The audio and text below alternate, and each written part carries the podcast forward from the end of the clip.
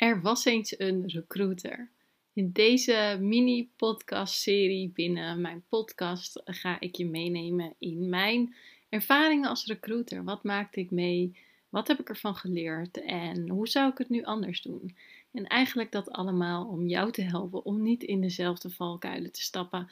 En ja, dat jij ook beter wordt in je vak. Dus vandaag de eerste. Er was eens een recruiter.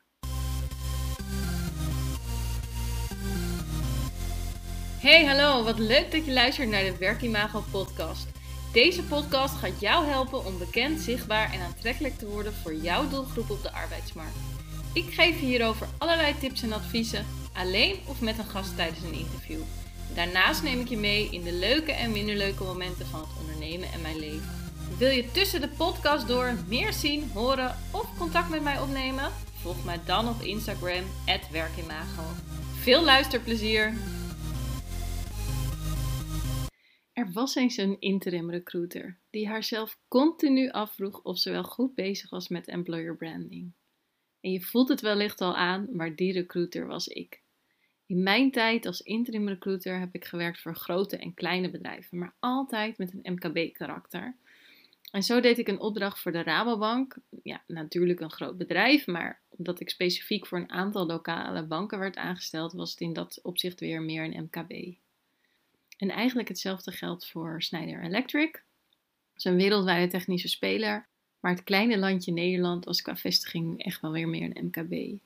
En ik heb ook gewerkt uh, qua interim opdrachten in, in hotels, bijvoorbeeld Mercure en Novotel, in Amsterdam. En um, nou ja, Novotel kent denk ik echt iedereen wel. Dat zijn gewoon, is gewoon echt een wereldwijde speler. En zij vallen ook nog eens onder een grote keten, Accor. Dus je zou kunnen zeggen, ja, dat zijn toch internationaal grote bedrijven, Kim? Ja, maar ook die hotels waren echt weer op zichzelf staand. Dus zou je weer meer kunnen zeggen dat het een MKB is. Nou, en waarom ik dit vertel, is dat het vaak betekende dat er over het algemeen uh, ja, het budget wat voor recruitment beschikbaar werd gesteld, dat werd dan vaak aan mij als interimmer besteed. En nu was het niet dat ik de hoofdprijs uh, vroeg, eigenlijk verder van. Maar het budget wat ze dus hadden, werd dus bij de bedrijven die mij inhuurden, dus echt aan mij besteed. Eigenlijk de opdrachten die kwamen veel uit mijn netwerk. En uh, de opdrachten die ik deed, was qua insteek altijd het invullen van vacatures. Dus echt operationeel recruitment. Maar omdat het bijvoorbeeld vaak in schaarse uh, branches was, zoals de techniek um, en de horeca. Althans, nou ja, de horeca is misschien nu niet meer zo schaars gezien de ontwikkelingen. Maar Um, voor uh, corona was uh, zeker in Amsterdam waren er echt gewoon geen mensen te spreken, uh, te vinden. En het was gewoon heel lastig om personeel te vinden. In mijn periode dus als interimmer was het eigenlijk altijd weer een uitdaging hoe ik de vacatures ging invullen met goed personeel. Nou, en ik kreeg dus ook eigenlijk bijna nooit goede sollicitanten binnen.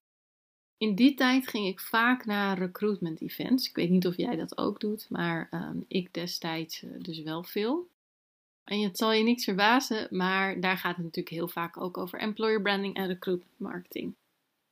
En vaak op die events, als het dan ging over employer branding en recruitment marketing, dan ging het over een propositie en een strategie en een theorie. En ik zeg je ook echt eerlijk, ik snapte vaak helemaal niks van al die, die dingen die daar werden gezegd.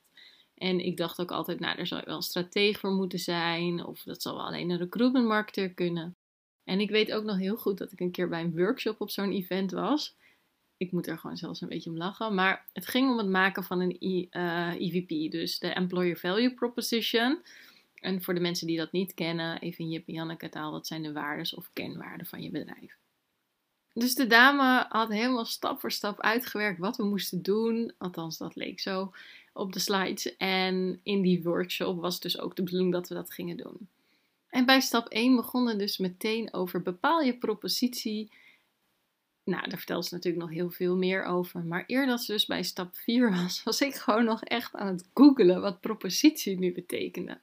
En misschien denk je nu wel, nou, dat weet toch iedereen, maar de manier waarop zij het eh, vertellen, uh, en nu denk ik, ja, oké, ik weet het ook wel, maar het is in de basis gewoon niet een makkelijk woord. En, de manier waarop zij het vertelde, dacht, dacht ik dus ook nog echt van, nee, dit zullen ze er wel niet mee bedoelen.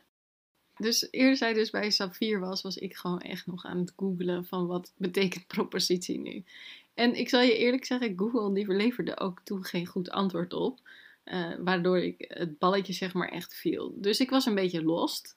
Toen gingen we dus in praktijk met een klein groepje, moesten we oefenen. En toen bleek ik dus ook echt niet de enige. Meerdere zaten echt zoiets van, nou, wat moeten we nou doen? En wat is een propositie? En hoe gaan we dat dan doen? Er kwam gelukkig wel echt een soort van opluchting. Van, oh, gelukkig, ik ben niet dom. Althans, nee, dat ben ik ook niet. En dat weet ik ook. Maar ja, ik werd er wel een soort van onzeker van. En eigenlijk is dit nou, slecht één voorbeeld. Want ik kan er geloof ik nog wel vijf opnoemen van dit soort dingen die op events voorkwamen. Maar goed, event was af. Ik ging de volgende dag terug naar de werkvloer. Lekker weer verder met mijn eigen weg. Maar zo vaak bleef ik me gewoon afvragen van doe ik het nu wel goed? Ben ik nu echt goed op weg met employer branding en recruitment marketing? Is dit het nu? En ik dacht ook heel vaak, dit kan het toch niet zijn? Of het zou meer moeten omvatten als we het allemaal over propositie, strategie en theorie hebben. Maar goed, wat blijkt, ik was dus wel echt op de goede weg. En ik hoor gewoon nog steeds zo vaak recruiters om me heen die exact hetzelfde hebben. En ze willen zo graag aan de slag met employer branding en recruitment marketing. Een aantal zijn daar ook al zelfs goed mee op weg. Maar ze weten gewoon niet of ze het juiste aan het doen zijn en of ze echt op die goede weg zijn. Wellicht herken jij dit ook wel. In ieder geval is het de reden dat ik een jaar geleden Werkimago ben opgestart. Juist omdat ik recruiters zoals jij wil helpen. Dus erken jij het gevoel dat je met employer branding en recruitment marketing aan de slag wilt? Of ben je er al mee bezig, maar twijfel je ook of je goed bezig bent? Of wil je juist een verdiepingsslag maken, maar weet je niet hoe? Ik help je echt heel graag hiermee. Want ik heb zelf dus ook in die struggles gezeten. Of ik heb ze ervaren, hoe je het wil noemen. En stuur me gerust een berichtje op LinkedIn of Instagram of stuur een mailtje naar kim.werkimaag.nl. En ik help heel graag om jou op het goede pad te helpen. Of alleen maar te bevestigen dat je al goed bezig bent. Want dat kan natuurlijk ook. Dus ik zou zeggen, weg met die onzekerheid.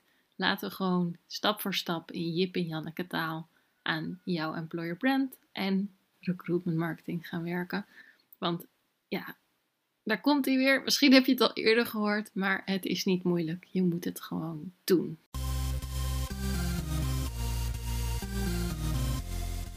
Super leuk dat je hebt geluisterd naar de Werkimago podcast. Dank je wel. Nog even kort drie dingen die ik met jou wil delen. Allereerst, fijn dat ik steeds vaker word getagd op Instagram in berichten dat luisteraars deze podcast luisteren. Ik vind dat echt leuk, dus tag mij vooral in bijvoorbeeld je stories als je naar deze podcast luistert. En volg je mij nog niet? Ga dan naar Instagram en zoek mij op via werkimago. Dan ontvang je regelmatig tips en tricks op gebied van employer branding, recruitment marketing en candidate experience. En als tweede, het is mijn missie om jou met deze podcast te inspireren. En omdat ik het super fijn vind dat je naar de podcast luistert, verloot ik regelmatig aan de luisteraars. Of een gratis coachcall, waarin ik jou persoonlijk ga helpen. Of mijn e-book Bekend, Zichtbaar en Aantrekkelijk voor jouw doelgroep op de arbeidsmarkt. Net wat jij het leukste cadeau vindt. Wil je hier kans op maken? Geef de Werkimago podcast dan een review via de podcast app waarmee je deze podcast luistert. Stuur daarna een printscreen naar kim.werkimago.nl of via een DM op Instagram. Ik vind het natuurlijk ook super leuk als je een bericht of DM stuurt, als je vragen hebt of bijvoorbeeld wil reageren op een podcast of wat dan ook. Laat het mij vooral weten. En als laatste, abonneer of subscribe je vooral op de Werkimago podcast. Dan ben jij een van de eerste die de nieuwste aflevering kan beluisteren. Heel graag tot de volgende keer.